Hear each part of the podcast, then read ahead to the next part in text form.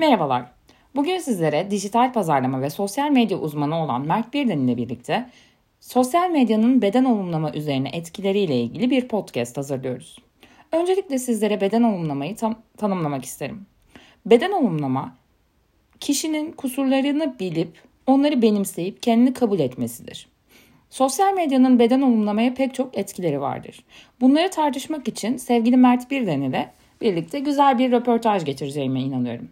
Öncelikle merhabalar Mert Bey. teklifimi kabul ettiğiniz için çok teşekkür ederim. E, merhabalar.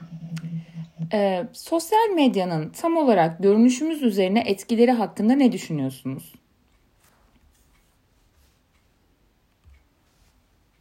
Öncelikle konu kaldığınız için teşekkür ederim.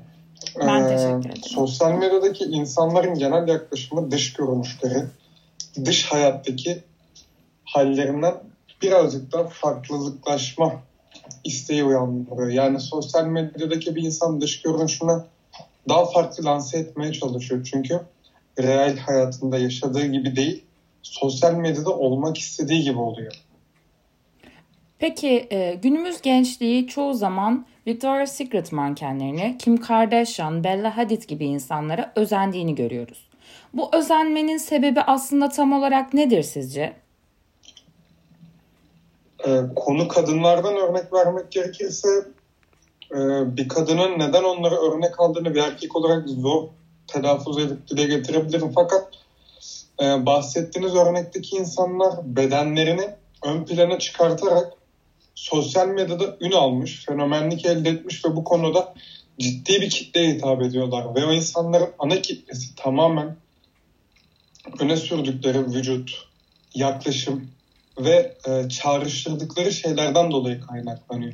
Haliyle bu konuda o insanlara hayranlık duyan ve gelecekte onlar gibi olmak isteyen insanlar da aynı yolu tercih ederek onlar gibi olabileceklerini düşünüyorlar. Peki, E günümüzde insanlar çoğunlukla başkalarının oluşturduğu bir vahaya inanıyorlar. Yani bu sosyal medya dediğimiz şey az önce sizin de dediğiniz gibi bir hayal ürünü. Aslında tam olarak netliği gerçekten olmayan bir vaha diyebiliriz.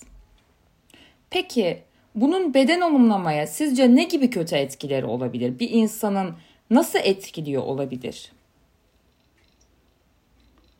Hmm, ilk birkaç tane soru geçti cümlede. Şöyle cevaplayayım. Sosyal medyada var olmayan bir şeyi bir anda var ilan edebilirsiniz. Mesela çok farklı dip bir örnek olacak. Hiç alakası olmayan bir konuda biri iftira attı diye bir insan linç de yiyebilir. Hiç gerçeklik payı olmadan bir insan kahraman de ilan edilebilir. Bunlar en dip örnekler olmasına rağmen beden olumlama konusunda da benzer örneklere sahip birçok olay yaşandı. Ee, insanlarda merak uyandıran, cinsel tarihleri farklı olan insanlar bir anda bir dönem ön plana çıktılar. Bunun sebebi bu zamana kadar içeride bastırılmış duyguları birini temsil edebildiğini düşündüler. Halbuki böyle bir şey yok. Tamamen bu bir ilgi operasyonu, algı operasyonuydu. Ve o şekilde davrandılar. bana kalırsa insanların genel olarak sosyal medyadaki dış görünüşüyle, real hayatındaki dış görünüşü kıyaslandığında sosyal medya çok tehlikeli bir yer. Yani insanların e, ne yapmak istediğini kestiremeyeceğiniz, iyi veya kötüyü ayırt edemeyeceğiniz bir alan. Sosyal medyada bir insan ne olmak isterse olabiliyor. Ve bu insanlar real hayatındaki psikolojilerini de etkiliyor. Zaman geçtikçe insanlar günlük hayatında hiçbir şeyini özenmiyorken... sosyal medya bir fotoğraf atacağı zaman özenmeye başlayacaklar. Başlıyorlar Ve bu o insanın günlük hayatını geriye düşürürken sosyal medyasını ön plana çıkartıyor. Yani şu an oturup bir kafede bir içecek yudumlarken kimse ay şunu şöyle içeyim ya da bunu böyle tutmam derdinde değil. Ama bir dakika fotoğrafını çekip Instagram atacağım dediğinde genel tavır ve davranışları değişiyor. Bu insanlarda psikolojik bir etki haline geliyor artık. Ve bence kesinlikle önüne geçilmesi lazım. Çünkü sosyal medya geleceğin psikiyatri tedavilerinde konu alacak ana konulardan biri haline dönüşecek. Peki günümüzde artık esnetik cerrahi denilen bir gerçeklik var. Eskiden esnetik cerrahi mecbur kalındığı takdirde yapılan bir operasyon olarak görünürdü. Ama şu anda günümüzde bakıldığı zaman 15 yaşındaki küçük kızların ya da küçük erkeklerin bile esnetik yaptırmaya çok yatkın ve meraklı olduğunu görüyoruz. Bunların sebeplerinden birinin sosyal medya olduğu düşünülüyor. Peki bunun için ne yapılması gerekiyor? Yani gençlere kendi kendi hallerinin özel ve güzel olduğunu anlatabilmek için ne yapmamız gerekiyor sizce? Şimdi öncelikle ilk kuracağım cümle tamamen kendi düşüncem. Bu genel bir değerlendirme değildir. Fakat e, yaş faktörü 18'den ufak olup estetisyen ya da estetik görünümünü değiştirmeye çalışan insanların ana temel sorunları ailelerin onlarla kuramadığı iletişim kopuklukları ya da ailelerin onlarda bıraktığı çevresel faktörlerin izleri. Çünkü bizler birer bireyiz ve geleceğe dönük düşündüğümde benim bir çocuğum olduğunda Ben ona asla bu konuda izin vermem. Neden izin vermem? Çünkü olgunluk diye hitap edebileceğimiz bir yaş değil 15-16. Bir insanın olgun olabilmesi için bu hayatta iyi veya kötü ayırt edebilecek bir yaşa gelmesi lazım. 18 yaş reşitliği bence bu yüzden var. Bu yüzden 18'den sonra bir insan özgür kılalınabiliyor. Bu tamamen kendi düşüncemdir. Ve Sosyal medyada da bu arada cerrahi müdahaleler var, estetik var. Sizde nasıl ameliyat bir cerrahi müdahalesi sosyal medyada da bir estetisyen olarak şopçularımız var. Çok güzel. Yani kilolu bir insanı zayıf yapabilirsin. Kası olmayan bir insana bir anda baklavalar çizebilirsin. Ve bunu profesyonel anlamda ücretli yapan insanlar var. Bu bir sektör. Nasıl estetisyenler bir sektörse size sağlığınızdan çok kendi işi sonra sağlığınıza bakabiliyorsa bizim alanımızdaki grafikçiler de önce işine sonra sizin nasıl etkilenebileceğinize bakıyorlar. Ve kesinlikle e, ben insanların natural doğal hallerinden yanayım. Sosyal medyayı böyle kullanıp ciddi yerlere gelmiş insanlar da var. Fakat tam aksine gençlerin örnek aldığı kötü örnekler de var. Bence erkek veya kadın düşüncesi görüşü ne olursa olsun birazcık araştırmalı ve çok hızlı cerrahi müdahale ya da internet üzerinde kendini değiştirebilecek grafiksel yardımlar almamalı. Çünkü bu geleceklerimi etkileyecekler. Olmak istedikleri insan dışında farklı bir insan gibi gösterecekler hep kendilerini. Ne yazık ki günümüzde bunları gençlere anlatmak çok kolay bir şey değil. Bakıldığı zaman aslında sosyal medya üzerinden bahsettiğimizde az önce sizin dediğiniz gibi hiçbir bıçak altına yatmadan insanlar değişik hallere bürünebiliyor. Peki sosyal medyada beden olumlayım,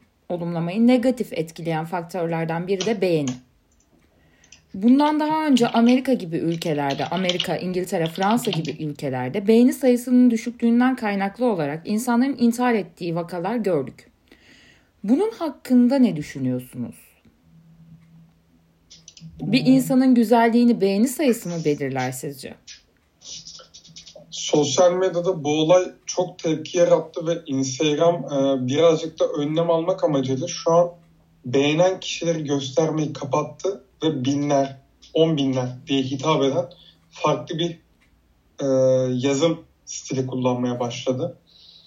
Şimdi şöyle düşünün, dışarıda sınıfınızda, okulunuzda, arkadaş çevrenizde beğenildiğinizi nasıl anlarsınız? İnsanların size olan iltifatlarıyla. Ama sosyal medyadaki her insan size yorum atarsa bu sizi rahatsız edebilir ya da kişiler yanlış anlayacağınızı düşünebilir. Bu yüzden like butonları var. Yani beğeni butonları. Bir şey beğenirsiniz.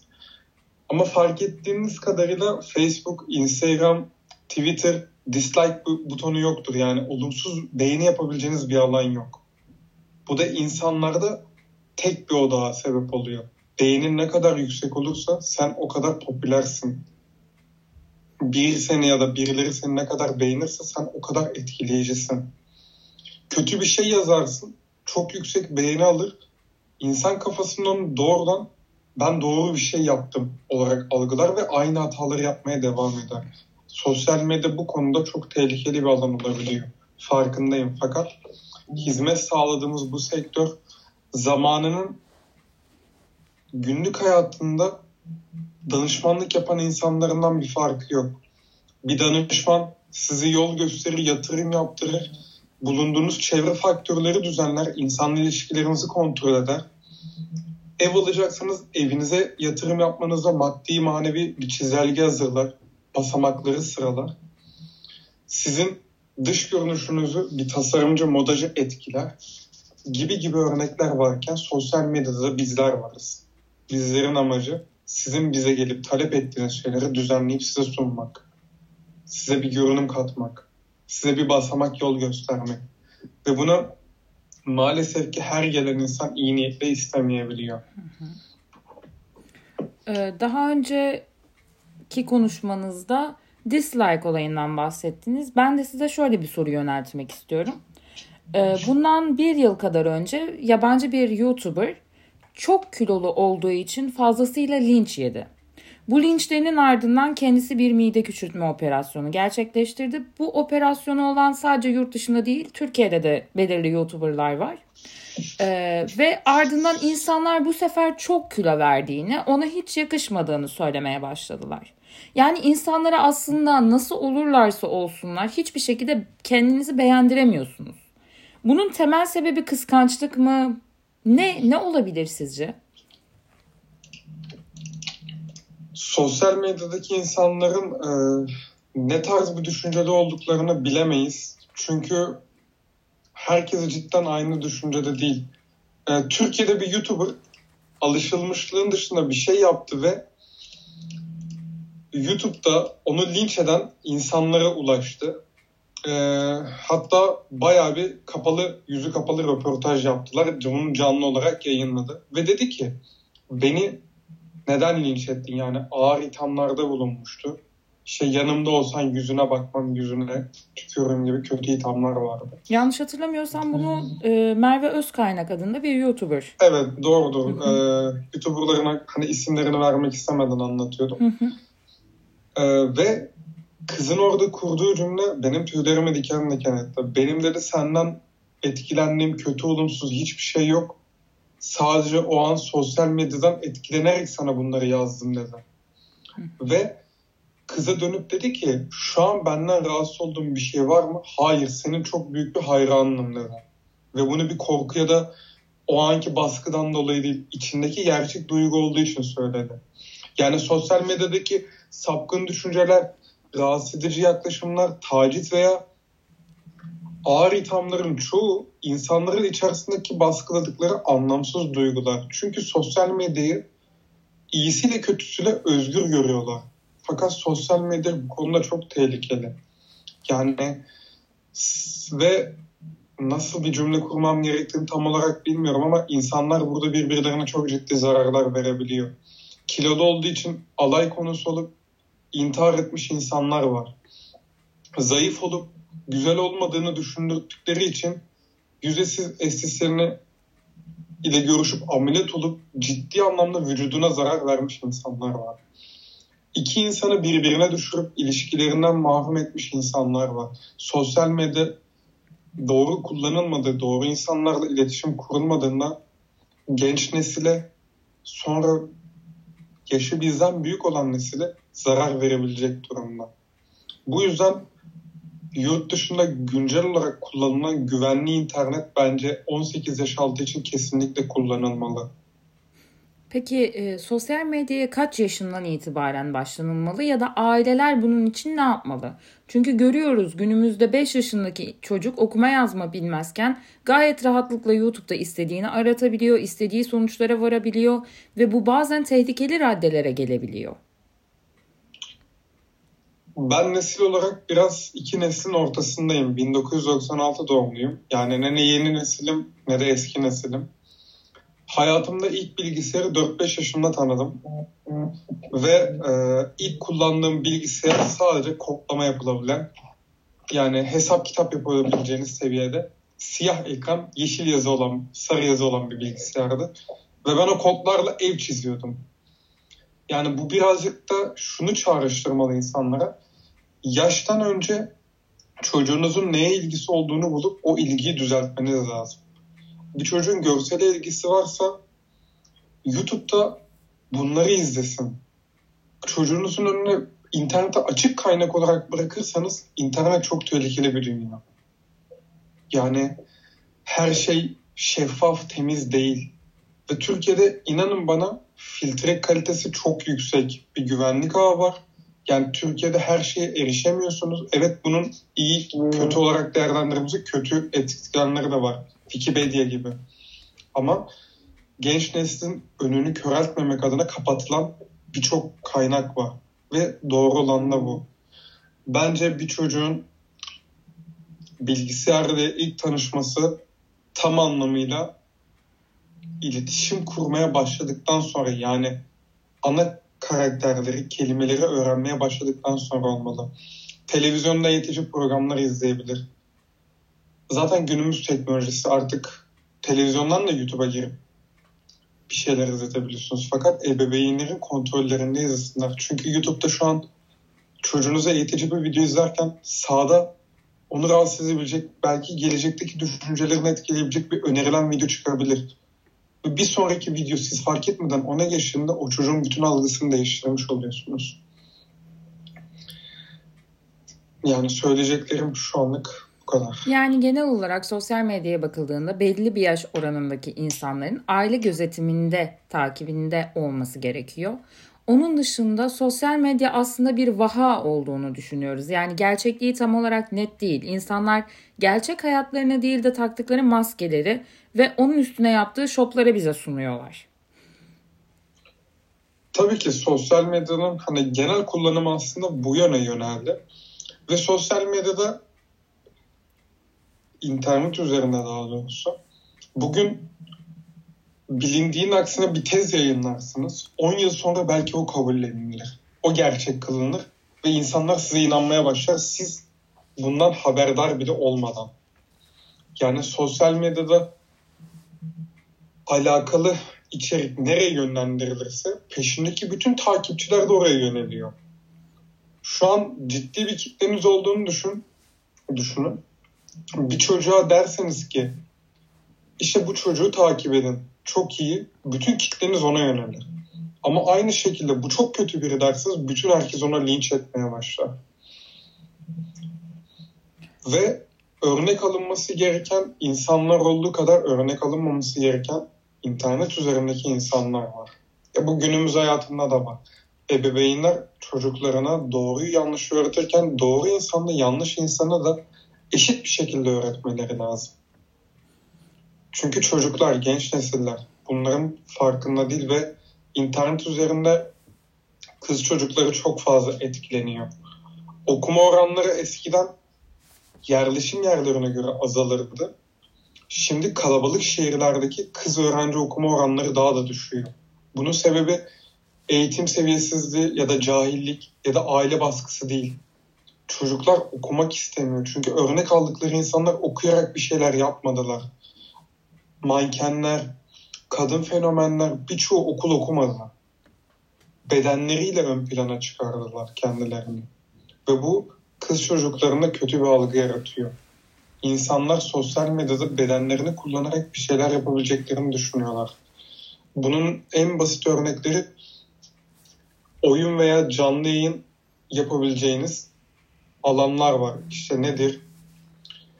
Twitch, D-Live, TikTok, Pinterest, buralarda canlı yayın videoları yayınlayabiliyorsunuz. Ve buralarda yayınladığınız canlı yayın videolarından para kazanabiliyorsunuz. Düşünsenize 15 yaşında, 16 yaşında hayatı daha tanıyamamış bir çocuk kamera karşısına geçince para kazanabileceğini öğreniyor. Ve ailesinin belki bundan haberi bile yok. bir onu orada sana 100 lira, 50 lira ya da 10 lira veririm bana şunu yap dediğinde belki yapabilecek kafada, kafada Ve bu çok yanlış bir düşünce. Sosyal medya tamamen aile gözetimi altında olduğunda 15-16 yaşına kadar güvenilirdi. 16 yaşından sonra ailenin de bir etkisi kalmamaya başlıyor. Çocuk artık kendi düşüncelerini benimsiyor. Ama siz ilk 15 yıl ona neyi gösterir öğretirseniz o çocuğun geleceği de buna bağlı olacak. Son olarak size şöyle bir şey bir soru yöneltmek istiyorum. Instagram ilk kurulduğunda bir resimli günlük platformu olarak düşünülmüştü. Yani yavaş yavaş zamanın geçmesini, büyümemizi ve belki yaşlanmamızı paylaşmak için vardı. Şimdi aslında bir iş imkanı bize ortaya sundu. Sizlere de öyle. Bunun hakkında şu anki Instagram'ın asıl amacının ne olduğunu düşünüyorsunuz? Instagram'dan önce Facebook vardı. Facebook'tan önce VK diye bir site vardı. Facebook gibi olup Rusların kullandığı ve popüler olan. Ondan önce de benzer uygulamalar vardı. Sosyal medyada her zaman bir Instagram olacak. Her zaman ticaret yapılabilir alanlar olacak. Facebook ilk açıldığında okuldaki öğrencilerin bir proje grup yani kendi aralarında grup kurmak için vardı. Google ilk yapıldığında kendi okullarındaki kütüphaneyi yansıtıyor sadece. Bunun birçok örneği var ve şu an hepsi ticari anlamda kullanılan alanlar. Instagram tek başına bir ticari alan değil.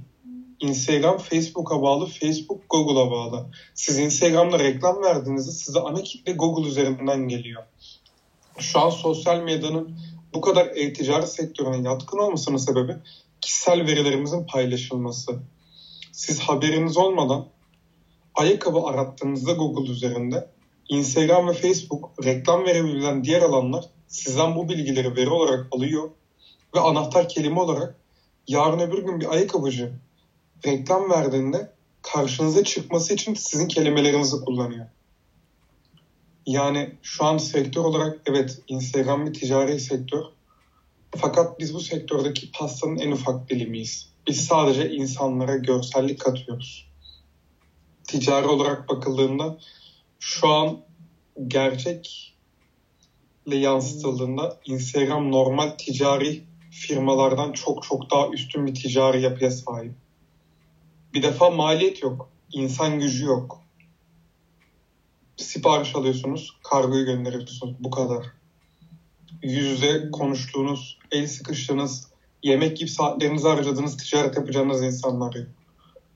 sosyal medyadaki ticari olayların hızlı dönmesinin ve yüksek kazançlar elde edilmesinin en büyük sebebi zaman kazancı. İnsanların zaman kaybedecek bir şey yok. Bir sayfaya giriyorsunuz, beğeniyorsunuz, yazıyorsunuz, size form atıyor, dolduruyorsunuz, siparişiniz alınıyor. Maksimum bir saat. Şu an bir alışveriş merkezine gidin, bir saatte çıkamıyorsunuz orada. Her şeyden önce çok teşekkür ederim yayınıma katıldığınız için. Beni kırmadığınız için. sanırım bugünlük bu kadar yeterli bizim için. Davet ettiğin için ben teşekkür ederim. Her insanın sosyal medya üzerindeki görüş ve düşüncesi farklıdır. Fakat e, kurduğum cümlelerin birçoğu ortak düşünceler barındırdığını düşünüyorum ve inanıyorum. Özellikle de genç kitlenin sosyal medya yaklaşımı, e, onlara geleceğe dönük yapılan algıların düzeltilebileceğine inanıyorum. Bununla ilgili birçok ülkede güvenlik anlamında önlemler alınıyor. Yenisiyle daha fazla filtre getirilmeye çalışılıyor ki doğru içerikleri aratıp doğru içerikleri bulsunlar. Umarım sosyal medya sizin alanınızda da size iyilikler, yenilikler katar. Sektörünüz daha oluşmamış